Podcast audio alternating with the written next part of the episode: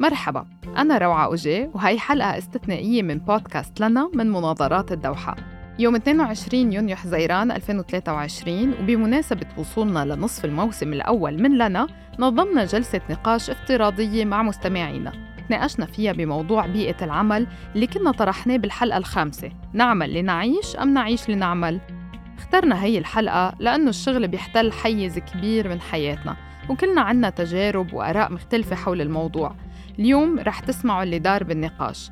أنا للأسف كنت بمهمة صحفية بالعراق وما قدرت شارك بالحوار على زوم لهيك معدات البرنامج رنا داوود وبسنت سمهوت استلموا عني إدارة النقاش. بتمنى لكم استماع ممتع وبتمنى تعذرونا على الصوت لأن التسجيل كان عبر زوم مش بالاستوديو العادي. بلقاكم بحلقة جديدة من لنا بعد أسبوعين. انتظرونا.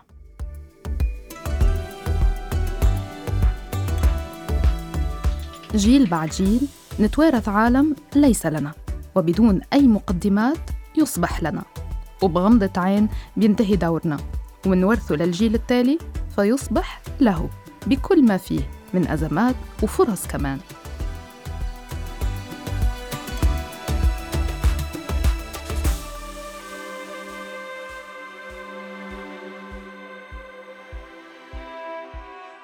بودكاست لنا من مناظرات الدوحة. مساحة لتلاقي جيلنا اليوم. لمناقشة ومحاججة أفكارنا وتجاربنا على اختلافها. بنتلاقى ونختلف برؤياتنا لواقعنا ومستقبلنا. بلساننا. مهما تعددت آرائنا رح يضل صوتنا لنا, لنا.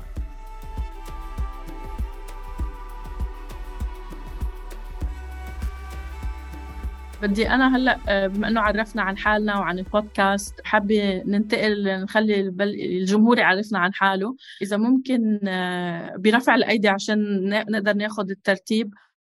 آه، كل شخص موجود يعرفنا باسمه عمره البلد اللي عم يحكينا منه وشو بيشتغل. مساء الخير جميعا. ويعطيكم ألف عافية. طيب يعني أول شيء كل عام وأنتم بألف خير.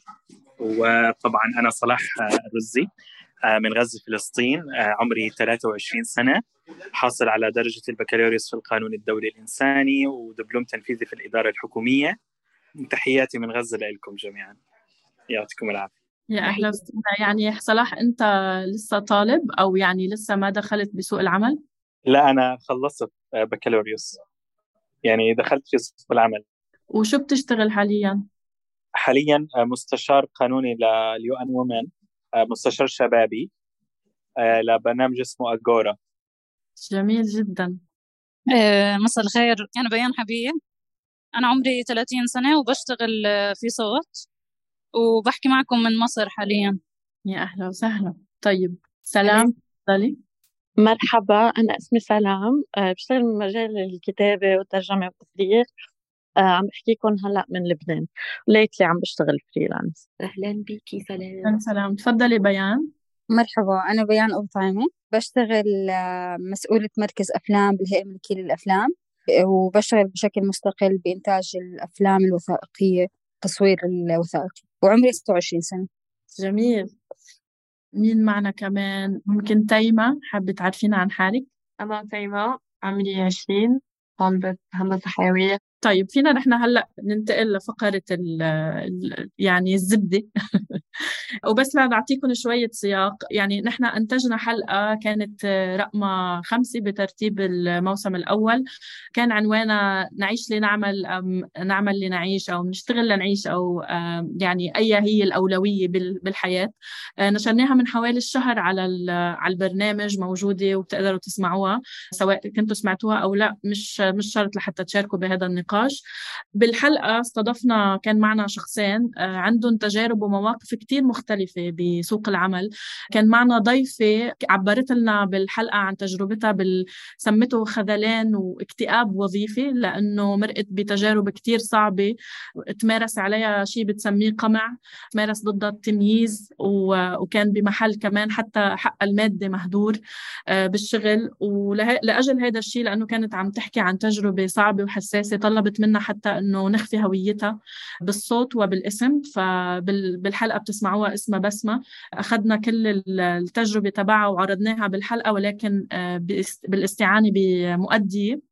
حفاظا على خصوصية الضيفة بالمقابل آه، كان في معنا شخص أو ضيف آخر عنده موقف أو حتى موقعه أصلا بسوق العمل مختلف كونه هو آه، رائد أعمال وهو يعني بالهيكل أو بالسلم هو رب العمل وهو شخص صغير بالعمر يعني عمره 26 ولكن بدير آه، ثلاث شركات بشكل متوازي. ورح نحكي أكثر بالحلقة يعني عن نقاط أثرناها مع الضيفين خلال الحلقة. وحتى أشياء يمكن ما انعرضت بالحلقة لأنه بتعرفوا كان لازم نختار يعني أهم الاقتباسات لحتى نعرضها بالحلقة.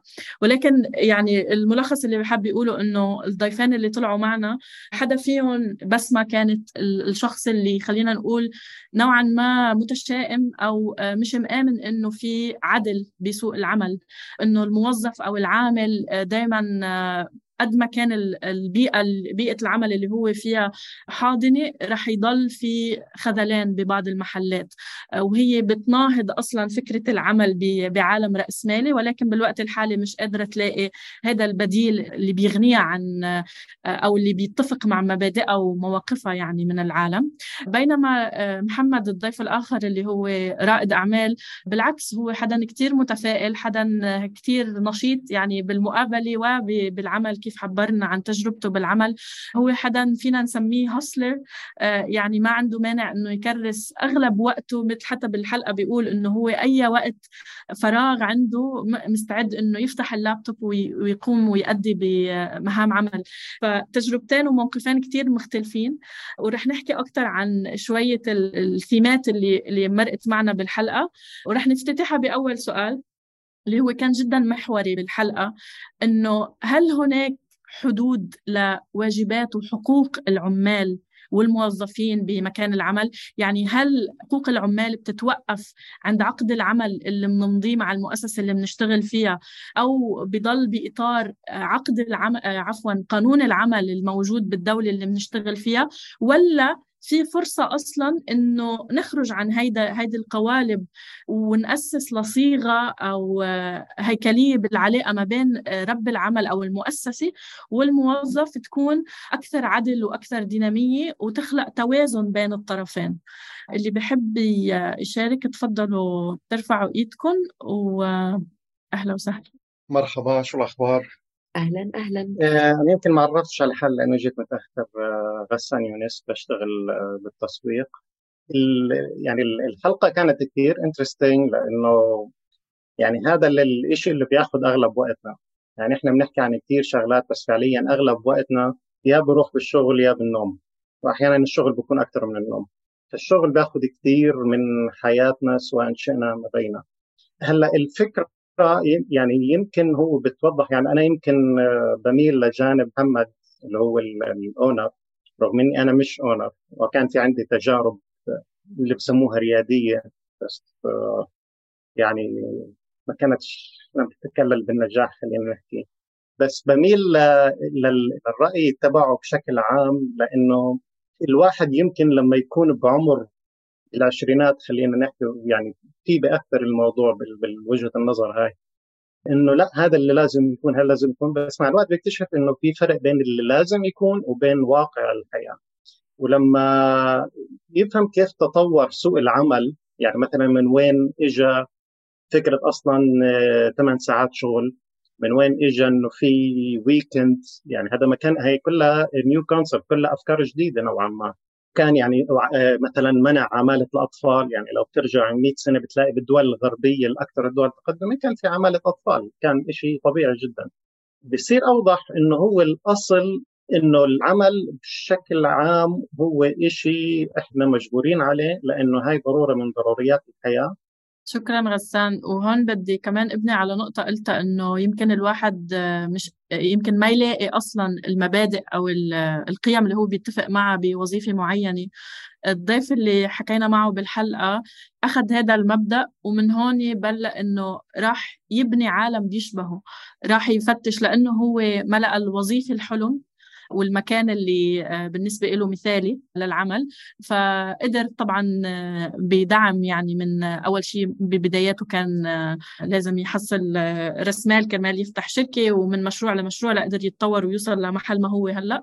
بس كتير حكى لنا بالمقابلة وبالحلقة كمان ذكرنا هذا الشيء إنه بينما بس ما كانت عم تصطدم بعالم إنه عم يخزلها محمد كان عم يبني هذا العالم اللي عم يتخيله. ففي معنا سلام حابة تعلق تفضلي. مرحبا مرة تانية. أنا يعني خبرتي ما كتير تشبه خبرة غسان. عمري بس 27 سنة. والأماكن اللي اشتغلت فيها هني إذا فيك تقولي مينلي اثنين. آخرهم كان مع منظمة بلبنان. يمكن حابة ضوي على الشغل مع منظمة دولية كتير كبيرة. آه، في عندها بالحقيقة خمس مراكز بأوروبا بأوروبا وبيتوسع منهم مراكز فرعية واحد منهم بلبنان وفي بالأردن وفي بدبي. فالفكرة إنه بتفق أكثر مع بسمة آه، من ناحية معينة. يعني أنا خبرتي كانت كتير إيجابية إذا بدك بالشغل مع هالمنظمة آه، لكن بحكم إنه في عندها ما يقارب ال ألف أو أكثر 65 ألف موظف موزعين على أكثر من 70 بلد. فناتشري أو طبيعيا رح يكون في المواقف اللي آه، بس ما حست فيها آه، خذلان لها والفكرة وين؟ لأنه هيدي المنظمة خلقت من كثير زمان من السبعينات آه، فهي يعني في عقائد معين إذا في سميها عقائد ترسخت فيها واللي بيصير إنه السيستم أو النظام لما بينبنى جيل ورا جيل بيصير كتير صعب إنه تغيريه بس الشيء اللي بالمقابل حفزني إنه ضل أشتغل معهم هو إنه جزء كبير آه، من يعني من نظام العمل تبع هاي المنظمة هو جزء ديمقراطي. يعني نصها جزء هايراركل أو إنه آه، تشكيل هرمي حدا مدير حدا وكذا وإلى آخره. لكن في جزء كتير كبير هو بيحتل نصف المنظمة هو جزء ديمقراطي بينعمل جمعيات عامة بكل آه، فرع من أفرع المنظمة وبتشكلوا بالآخر بينجمعوا بصيروا بالمراكز الرئيسية. وجزء كبير من القرارات تبع توجهات المنظمة بصير من خلال هذه الجمعيات الديمقراطية اللي بيكون صوتي بيشبه صوت رئيس المركز آه، الرئيسي مثلا. فأنا كحدا ما يعني إذا بدك ما بقدر أشتغل بمكان ماني قادرة اتماهى معه يعني ما بقدر أشتغل بمكان آه، فيه إذا بدك شروط عمل ما بتسمح لي إنه أنا آه، ازدهر ما بتسمح لي إنه أعطي من شخصيتي مش بس إنه أنا عم بشتغل من الستة من سوري من من التسعة للستة وأرجع على البيت وماني قادرة أعمل شيء آه، اجتماعيا وحس حالي منهكة مثل ما قال غسان إنه خلص يا شغل يا نوم. فإذا ما كان عندي هيدي المساحة لحتى أعطي من قلبي أو لحتى أبتكر أو لحتى أنا آه، أقترح أشياء جديدة. وإذا ما كان المدير تبعي عاطيني هيدي المساحة ما بقدر يعني ما بحس حالي إنه بفضل إنه آه، ما أكون بهذا المكان. وإذا ما كان بيمثلني إذا ما كان عم بحاول كمؤسسة يطور من حاله أو يسمع آراء الناس اللي هن إذا بدك بأسفل الهرم ما بيمثلني ابدا. و... وأنا كحدا يعني أخذت risk إذا بدك. بفترة معينة من حياتي حسيت إنه ماني قادرة بقى أكمل بهيدا ال 9 to 6 وإنه هيدا الروتين اللي شغل أكل نوم و repeat وحسيت إنه كثير عم بأثر على صحتي النفسية. فأخذت risk كثير كبير بظل الانهيار الاقتصادي بلبنان وتركت الشغل وما كان عندي alternative ما كان عندي بديل. وكثير من العالم تفاجئوا من هذا الموضوع بينما كان بالنسبة لي إنه أنا ماني عايشة لأشتغل. انه هيدا العالم مثل ما قالت بس ما هو عالم راسمالي كمان ما بيمثلني. وبنفس الوقت ماني قادرة أمشي ضد التيار كل الوقت بس قادرة يكون عندي السلطة على حياتي قادرة إنه أنا أتحكم بالسردية تبع حياتي وكيف الشغل بيأثر على حياتي. يعني مش الشغل هو اللي بيسيرني أنا اللي بسير الشغل. sorry إذا طولت. لا أعطيتينا كثير نقاط للناقش يا سلام.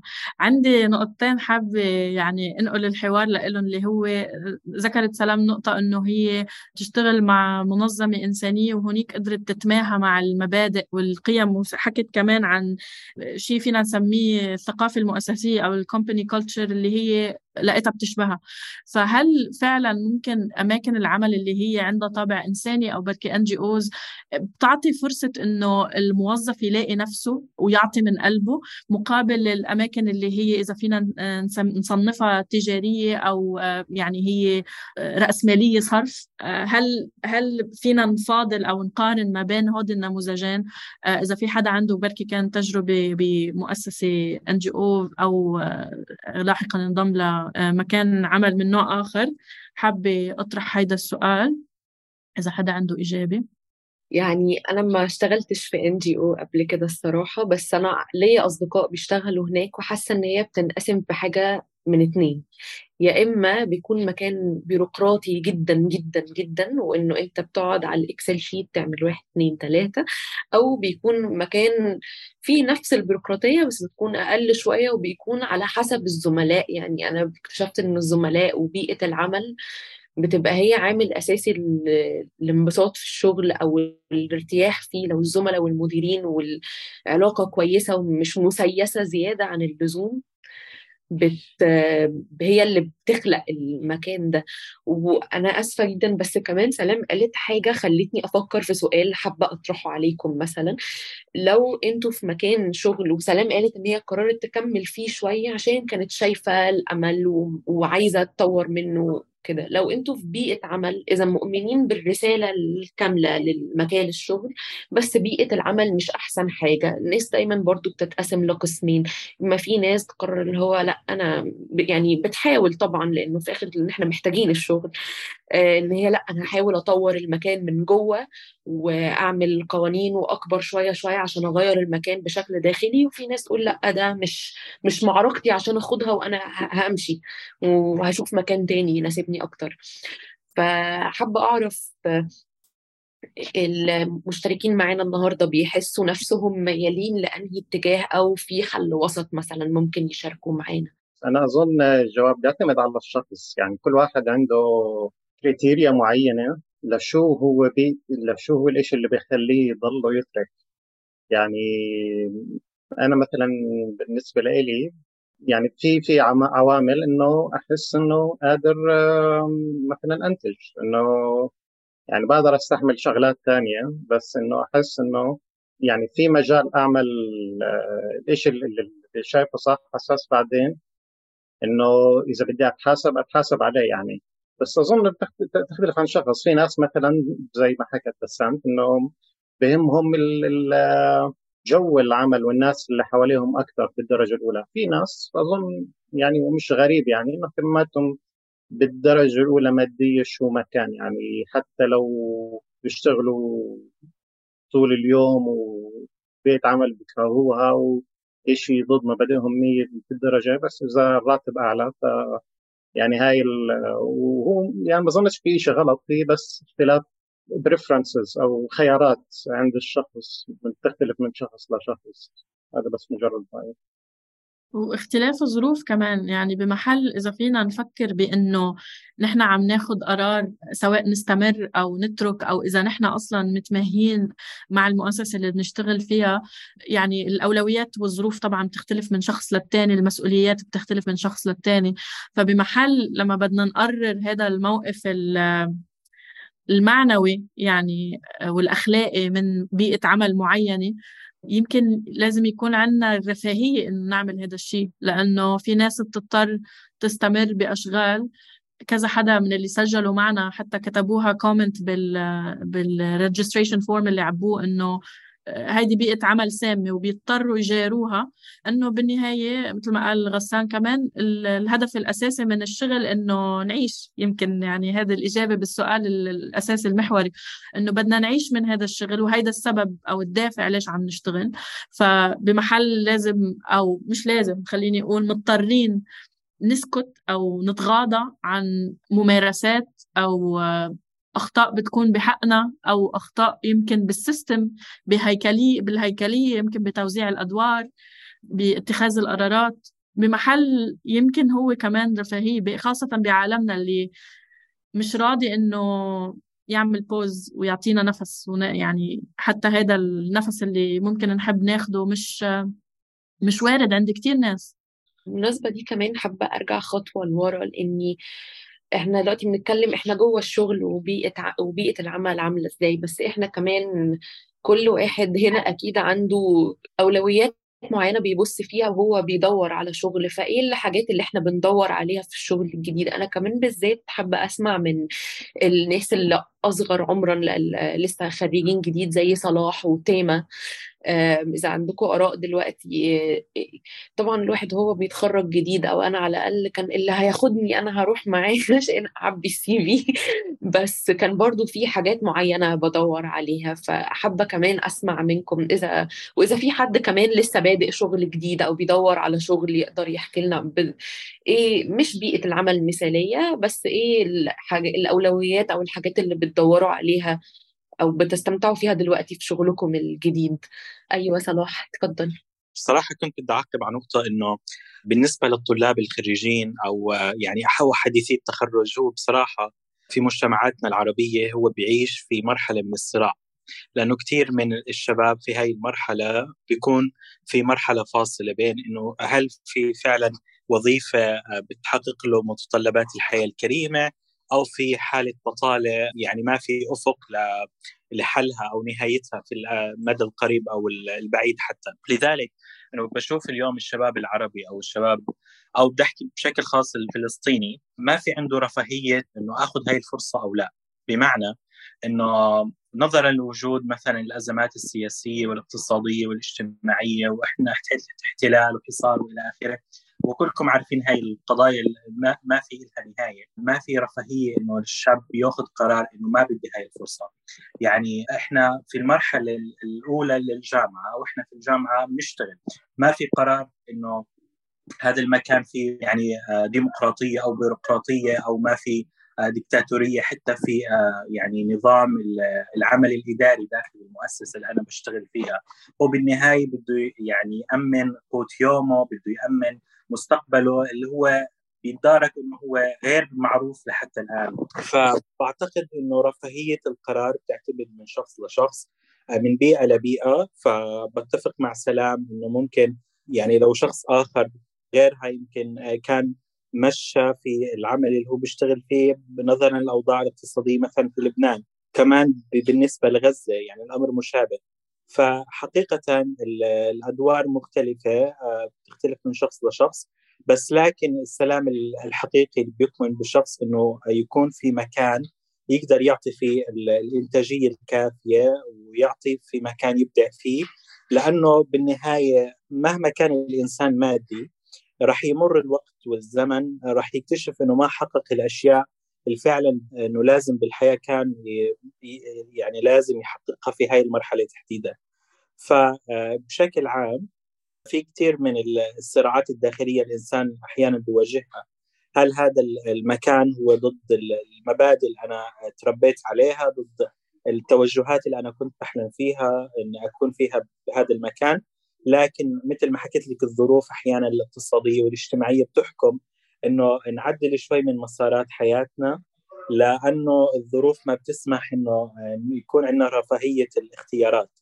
فبس هاي الكل بدي أحكي بدي أعقب عليه شكرا صلاح. آه، بيان كنت رافعة إيدك تفضلي كنت بدي أحكي على سؤال بسنت إنه لما نتخرج.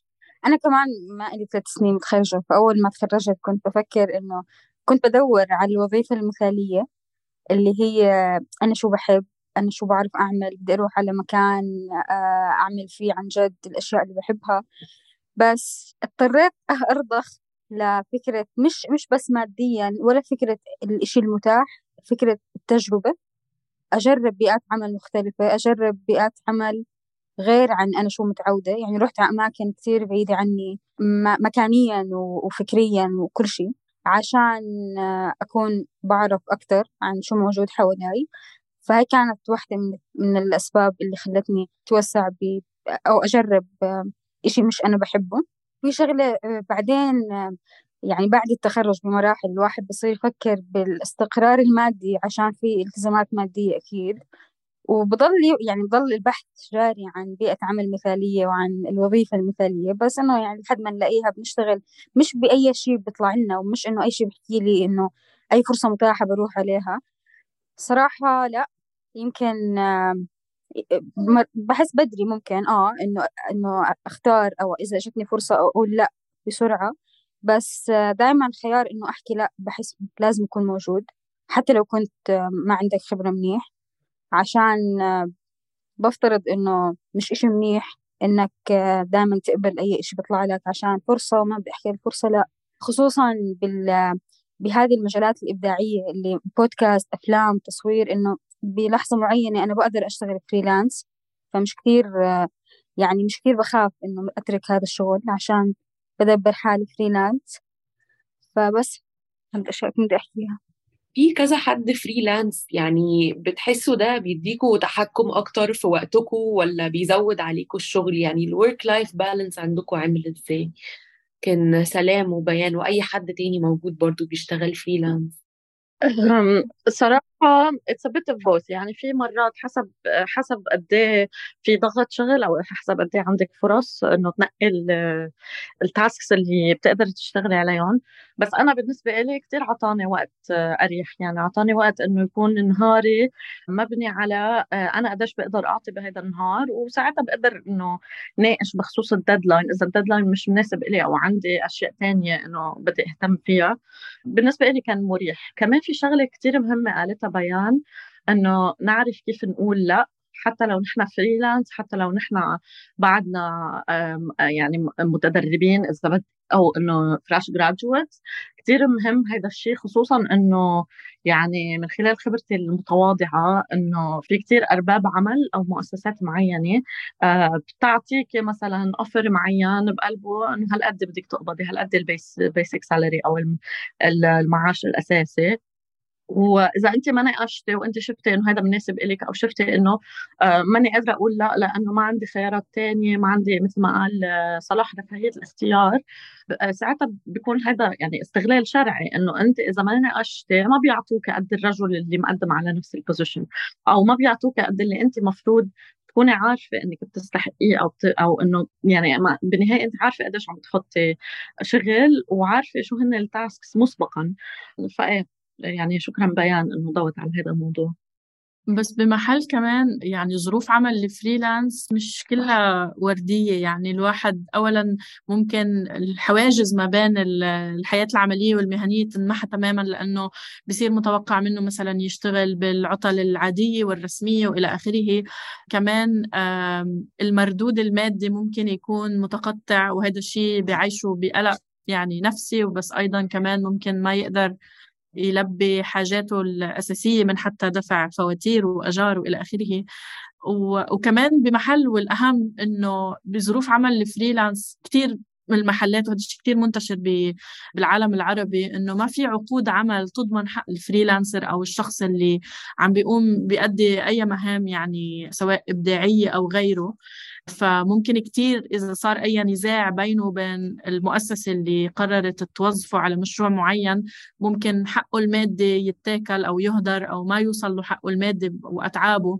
ممكن يضطر بمحل كتير إنه ما يقدر يفاوض الشيء اللي كانت عم تحكي عنه سلام إنه أصلا المجال المفاوضة مش موجود لأنه ما في شيء مادي نقدر نبني عليه هذا هاي المفاوضة. إذا إذا حتى يمكن أوقات بيصير في اتفاقات اتفاقات شفهية أو على التليفون حتى ما بتكون موثقه بإيميلات.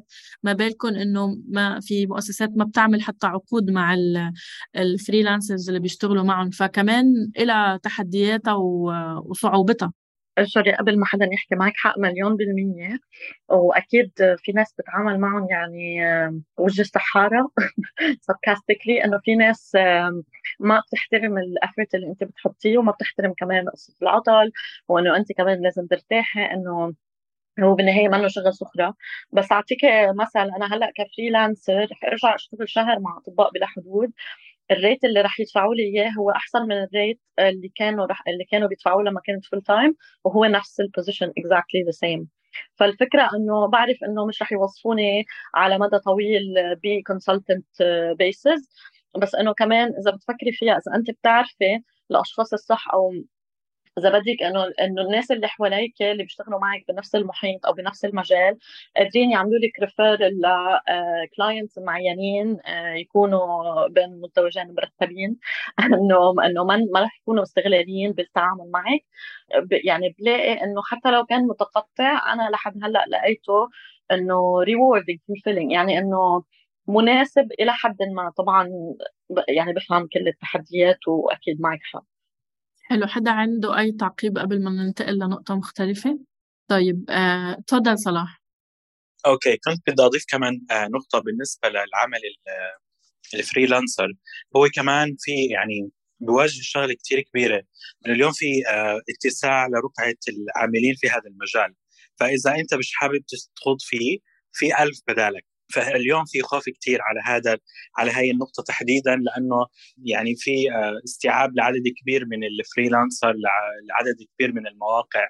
فبيخلي عند الشخص اللي بده خدمة من ال freelancer يتقاعس عن أداء خدمته بالشكل المناسب يعني اللي بده يؤدي دوره. فعلا في منافسة يعني كل شيء له آه، وجهين. آه، تفضل غسان.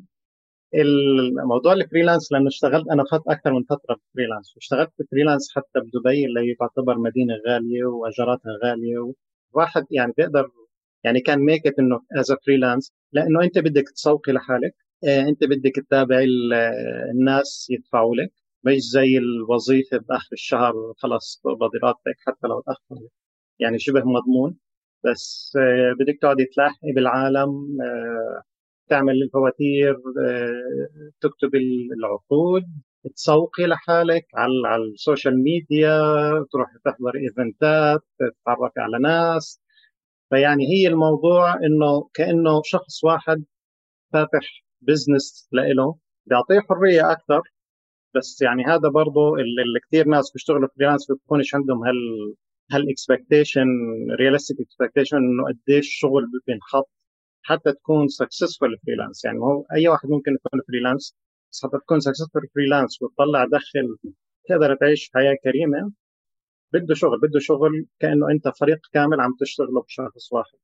بالضبط. وبدي أقول إنه أنا مثلا من الأشخاص اللي حاولت أعمل freelance لفترة معينة ما كان في عندي full-time job وفيي أقول إنه كانت فترة جحيم بحياتي للأسباب اللي ذكرها غسان اللي هو بدك تلاحق العالم بضل في هذا القلق إنه أنا يمكن هلأ عم في شغل بين إيدي بس بكرة بيخلص المشروع وما ما عندي بديل أو ما عندي مشروع جديد.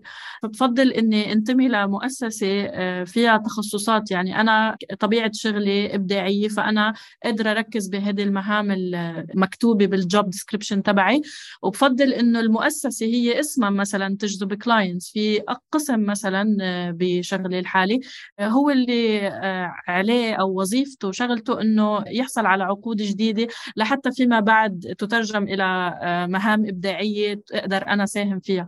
فأنا هيدا النوع الديناميك شخصيا بفضله لأنه بيعطيني نوع من الاستقرار. بضل حاسة إنه في روتين معين في علاقة واضحة ما بيني وما بين المؤسسة اللي بشتغل فيها. بدل ما أكون أنا لازم أعمل كل هود الوظائف اللي حكاهم غسان من شوي. طيب أنا حابة كمان نطرح نقطة حكيناها بالحلقة بس بحس إنه تختلف الآراء حولها كتير اللي هي ال quiet quitting بالعربي درج تسميتها أو ترجمتها للإستقالة الصامتة. ومعنا ضيفنا كان بالحلقة محمد ترجمة هو آه، شامي أو من سوريا فترجمة الخروج السلحفي بلهجته. حبيت كيف كيف عربها يعني. فال quiet quitting إذا في حدا ما كان سامعه من قبل هو باختصار إنه يكون في موظف أو عامل يعني بمؤسسة ما لأي سبب كان مش مرتاح أو مش مبسوط أو مش مقتنع أو يمكن بمحل حقه المادي مهدور ايا كان الأسباب هو مش مرتاح ومش منسجم مع وظيفته الحالية. فبيأدي المهام المطلوبة منه على القد. لا بالزايد ولا بالناقص. ممكن بمحل بيتمادى إنه ممكن يتأخر بإنجاز بعض المهمات ولكن ليس التقصير يعني إنه مش عم بيقصر ولكن ما عم بيعطي هذا ال added value أو الإضافة المهمة أو إنه يكون proactive ويبادر ويتفوق أو يتخطى التوقعات المطلوبة منه. ما عم بيكون الموظف المثالي يعني بالعالم الرأسمالي. فبالحلقة كان معنا طبعا بسمة هي حدا بيقول بيقول عن حاله إنه هي quiet quitter إنه هي عم بتمارس هالإستقالة الصامتة. وحتى في اقتباس لها بالحلقة بتقول إنه بما إنه system الشركة أو المؤسسة اللي بتشتغل فيها ماشي بطريقة معينة فهي بتلاقي إنه الإستقالة الصامتة هي نوع من الاحتجاج والرفض آه، للتعبير عن الرفض للممارسات الموجودة والخذلان اللي تعرضت له فهي بالنسبة لها بتعطي لحالها الصلاحية يعني إنه تروح على الشغل تاخد وقتها بإنجاز مهمات. بتقلنا إنه في تاسك ممكن عادة ياخد معها يوم ممكن تخلصه بشهر. تقعد ممكن تاخد وقتها أكثر بإنها تشرب قهوة حتى بتقول إنه بتقعد تحضر ريلز بأوقات الدوام. فهي كانت كتير يعني متصالحة مع هذه الفكرة. بينما ضيفنا الثاني محمد كان عم بيقول إنه هو بيفهم ليش ممكن الموظف يوصل لهيدي النقطة ولكن بشوف إنه لازم الواحد يفهم يعني حدود واجباته وحقوقه ضمن المؤسسة. فحابة أعرف من الحاضرين معنا شو رأيكم بهذا بهذا السلوك اللي هو درج يعني تقريبا آخر سنتين ما بعد تغير العلاقة مع بيئة العمل بفعل كورونا وغيره آه، ودخول جنزي يعني لسوق العمل. فهل أنتم بتأيدوا هذا الشيء؟ هل بتشوفوه هو بركي عدم احترام أو تكاسل من الموظف؟ أو هل بتشوفوه مثل بسمة أنه هو شكل من أشكال الاحتجاج داخل المؤسسة؟ يعني الموضوع بحس بحسه عميق قوي كده يعني اللي هو ولا هو احتجاج ولا هو حد مش شايف شغله يعني ممكن. عادي. أنا قلبي ما عادش على الشغل خلاص يعني حصل حاجة فقدت الشغف. يعني احترقت أو I burned out أو أي حاجة فلو خلاص أنا طبعا محتاجة الشغل ومحتاجة الفلوس ومحتاجة ده. بس في نفس الوقت أنا مش هديه لصاحب الشغل سبب إنه يرفدني بس أنا هعمل اللي عليا ولا أكتر ولا أقل لحد ما ربنا يفرجها أروح حتة تانية أشوف لي صرفة. يعني حاسة إنه دي حاجة مش بتحصل يعني مش منحصرة على ال Gen Z ومش بدافع عن ال Gen Z لأن أنا منهم. لكن بحس إنه بتحصل في أي وقت أي حد بيفقد الشغف في شغله لسبب أو لآخر وبيبقى خلاص مش قادر أنا أدي أكتر من كده أو خلاص حتى قرار أنا مش عايز أدي أكتر من كده. أنا هعمل يا دوب على قد اللي في ال job description لأن أنا اديت كل حاجة عندي أو ما بقتش عايزة أديكوا خلاص أنتوا بالنسبة لي ما تستاهلوش الطاقة وإن أنا بجد أبقى حاسة إن أنا جزء من المؤسسة وده بيبقى تابع لعوامل كتيرة جدا إلا إذا كانت بيئة عمل سامة إلا إذا كان الحد ده عادي هو بس بقاله كتير قوي بيشتغل وما أخدش فاصل ففعلا ما مش قادر لكن مش حاسة إنه لدرجة احتجاج ما لو هحتاج في هسيب الشغل. يعني ساعات الواحد بيبقى مش في إيده حاجة يعملها غير إن هو أنا هعمل اللي عليا 8 سبع ثمان تسع ساعات دول هيعدوا بالطول بالعرض وخلصنا يعني. فمش مش عارفة يعني إذا في حد بيشارك بيشاركني الرأي ده. في رأي كمان في يضيف نقطة في في رأي ما يعني بعد ما صار آه، ضجت الكلمة بهال buzzword هي quiet quitting في عالم طلعت تقول إنه okay إذا أنا عم أدي المهام المطلوبة مني بال job description أنا عم بعمل شغلي.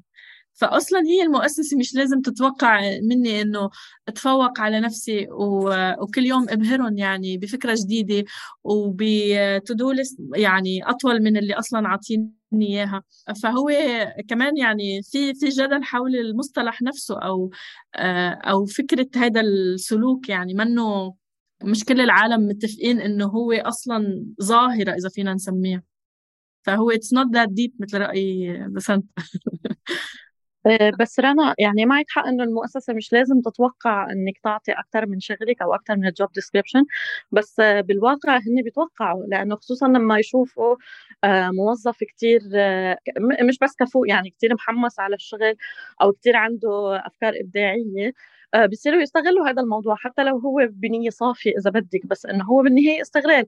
يعني تخيلي كان يجي آه، ناس آه، عنا بالمنظمة إنه هن إذا بدك يعملوا جاب فيلينج يعني بيكون في حدا أو استقال أو رايح إجازة أمومة أو كذا كذا كذا بيعطوا الشخص اللي مديره فال هيدي هيدا ال position وبيقولوا له إنه آه أنت آه يعني أنت تقريبا بتعمل هذا الشغل فانه شو رأيك إنه تسندنا بهالفتره فهي يعني بمحل معين إذا أنت ما عم تعطي البديل المادي لزيادة ال tasks على ال job description فهذا بالنهاية اسمه استغلال أو اسمه توقع إنك أنت تعطي أكثر من طاقتك أو تعطي أكثر من الشيء اللي وافقتي عليه لما مضيت العقد.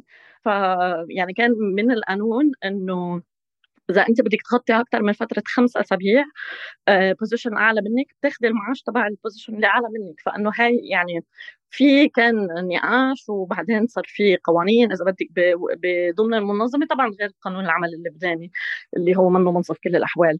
ففي توقع في يعني بالواقع لأنه ما بعرف إذا هي أزمة تمويل ولا هي أزمة إنه المؤسسات تلاقي آه، ناس كفؤين أو إنه لأنه مثل إذا بدك مجربين الموظف اللي already هو بيشتغل تحت الشخص اللي مضطر يفل فيعني أنا بلاقي إنه واقعيا مبلا مبلا المؤسسة بتتوقع منك تعطي أكثر من طاقتك هذا بيؤدي للي قالته بسنت الاحتراق أو ال burnout أو مثل ما بس ما كانت عم تقول silent quitting إنه صح هي عم تشتغل شغلة وهذا هو بس بالنسبة لها إنه مجرد ما إنه هي بطلت عم تعطي كل طاقتها أو إذا بدك مرة ونص أو مرتين عن طاقتها أو الشغل اللي المفروض تعمله بالنسبة لها احتجاج وهو نوعا ما okay it's not deep بس إنه نوعا ما إنه هي آه، إذا بدك set foot down إنه عملت شيء مقابل الظلم إذا بدك اللي هي حاسسته بمكانها.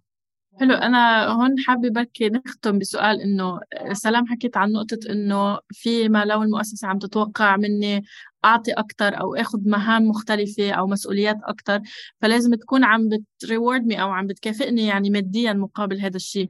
طيب هل لو كل الأشخاص اللي هن حاليا مش سعيدين بوظيفتهم لأي سبب كان؟ لو آه، زاد مدخولهم أو المعاش اللي بيتقاضوه مقابل هذا الشغل هل هذا الشيء الحل السحري لحتى يخلينا راضيين عن المكان اللي نحن فيه؟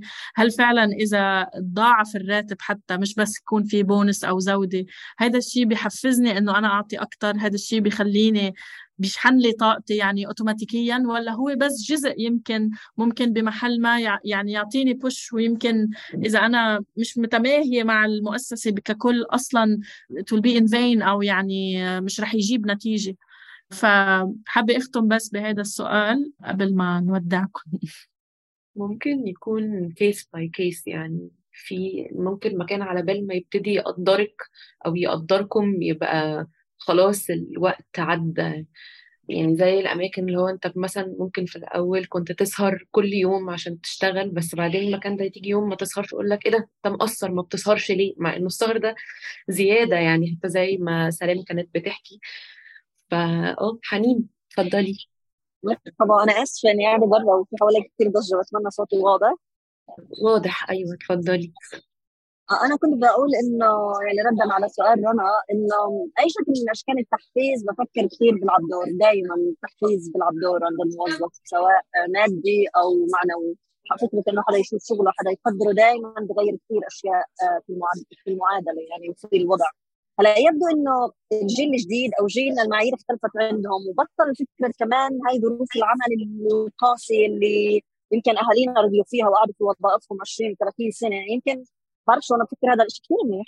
إنه إحنا يمكن بطلت تناسبنا أو صار في عندنا هذا النوع من إنه بدنا حقوقنا أكثر نرفض ظروف عمل مش مناسبه نرفض أوقات آه، إضافية نطالب بحقوقنا. أنا بفكر هذا كثير جزء كثير مهم علشان يحافظ على دائما هذا التوازن والراحة النفسية آه، لما بقدم شغلي يعني. وبفكر صح أنا بحسها هي حيلة كمان رأسمالية بس كمان الشركات بلشت تعلي الامتيازات يعني. في شركات عم تعطي ما بعرف عم تعطي بدل بدل جيم بدل أخصائية تغذية بدل إلى آخره عشان أو أخصائي تغذية عشان برضه أنا بحسها حيل عشان هم عارفين كمان إنه الظروف عم بتكون يعني ظروف العمل وساعات العمل عم بتكون مستنزفة أكثر آه، لطاقتنا ولوقتنا وإلى آخره. بس بنفكر التحفيز شيء كثير مهم والتحفيز دائما يعني ماديا أكيد بفرق بس كمان مش شرط مادي آه، أحيانا فكره تقدير الموظف بأي شكل كان هي كثير كثير بتأثر على الأداء. وأنا اختبرتها بشغل قديم لما كنت بعطي بعطي كثير أكثر من الوقت اللي يعني يعني أنا حدا أحيانا ممكن يكون مهووس في الشغل بس لما كنت بعطي أكثر من الوقت اللي اللي كان مطلوب مني كان بالنسبة لي فكرة إنه المدير يقدر المدير يشوف المدير يمدح الاحتفاء بين الزملاء ما بعرف. كان بالنسبة لي أحيانا يكون محفز أو فكرة إنه الجمهور يجيني فيدباك من الناس حلوة. فبفكر لا المؤسسة إذا كانت ذكية بتقدر بتقدر دائما ترضي الموظف بس فكرة إنه تكون تكون ذكية. إذا ما كانش الموظف صعب مثل بسمة بسمة نموذج صعب شوي. يس شكرا حنين. أنا كتير مستمتعة بالنقاش اللي عم بيصير وحاسة بعد يعني ممكن يمد معنا وقت كتير أطول لأنه كل يعني فكرة ممكن ينفتح فيها نقاش مستقل. بس حابة هيك أشكركم على وقتكم كانت جلسة كتير لذيذة. شكرا لزميلتي بسنت بمعاونتي بهيدي الجلسة. وأنا كمان انبسطت قوي. وشكرا قوي بجد على وقتكم. وإن شاء الله تسمعوا آرائكم والمناقشة دي تاني في البودكاست. لو وصلتوا لنهاية الحلقة بشكر حسن إصغائكم. وبشكر كل اللي شاركونا بجلسة زوم ترقبوا حلقات جديدة من بودكاست لنا الموسم الأول بعد أسبوعين. ومن هون لوقتها تواصلوا معنا عبر حسابي at rawak r a w a k وصفحة فريق مناظرات الدوحة عبر دوحة debates AR D O H A D E B A T E S A R على انستغرام وتويتر وفيسبوك. أنا روعة أوجي وهيدا بودكاست لنا من مناظرات الدوحة بالتعاون مع صوت. الحلقة من إنتاج بسنت سمهوت ورنا داوود وتصميم الصوت حسام علي. موسيقى البرنامج من تأليف استوديوهات كتارا مناظرات الدوحة هي إنتاج من مؤسسة قطر. المنتجين المنفذين هم جيفت ويكس وأمجد عطلة وجيجر مهتا وشكر خاص لسمية الكبسي ومحمد طه. اشتركوا قبلنا على تطبيق البودكاست المفضل عندكم وما تنسوا تقيموا البرنامج على كاست بوكس وأبل بودكاست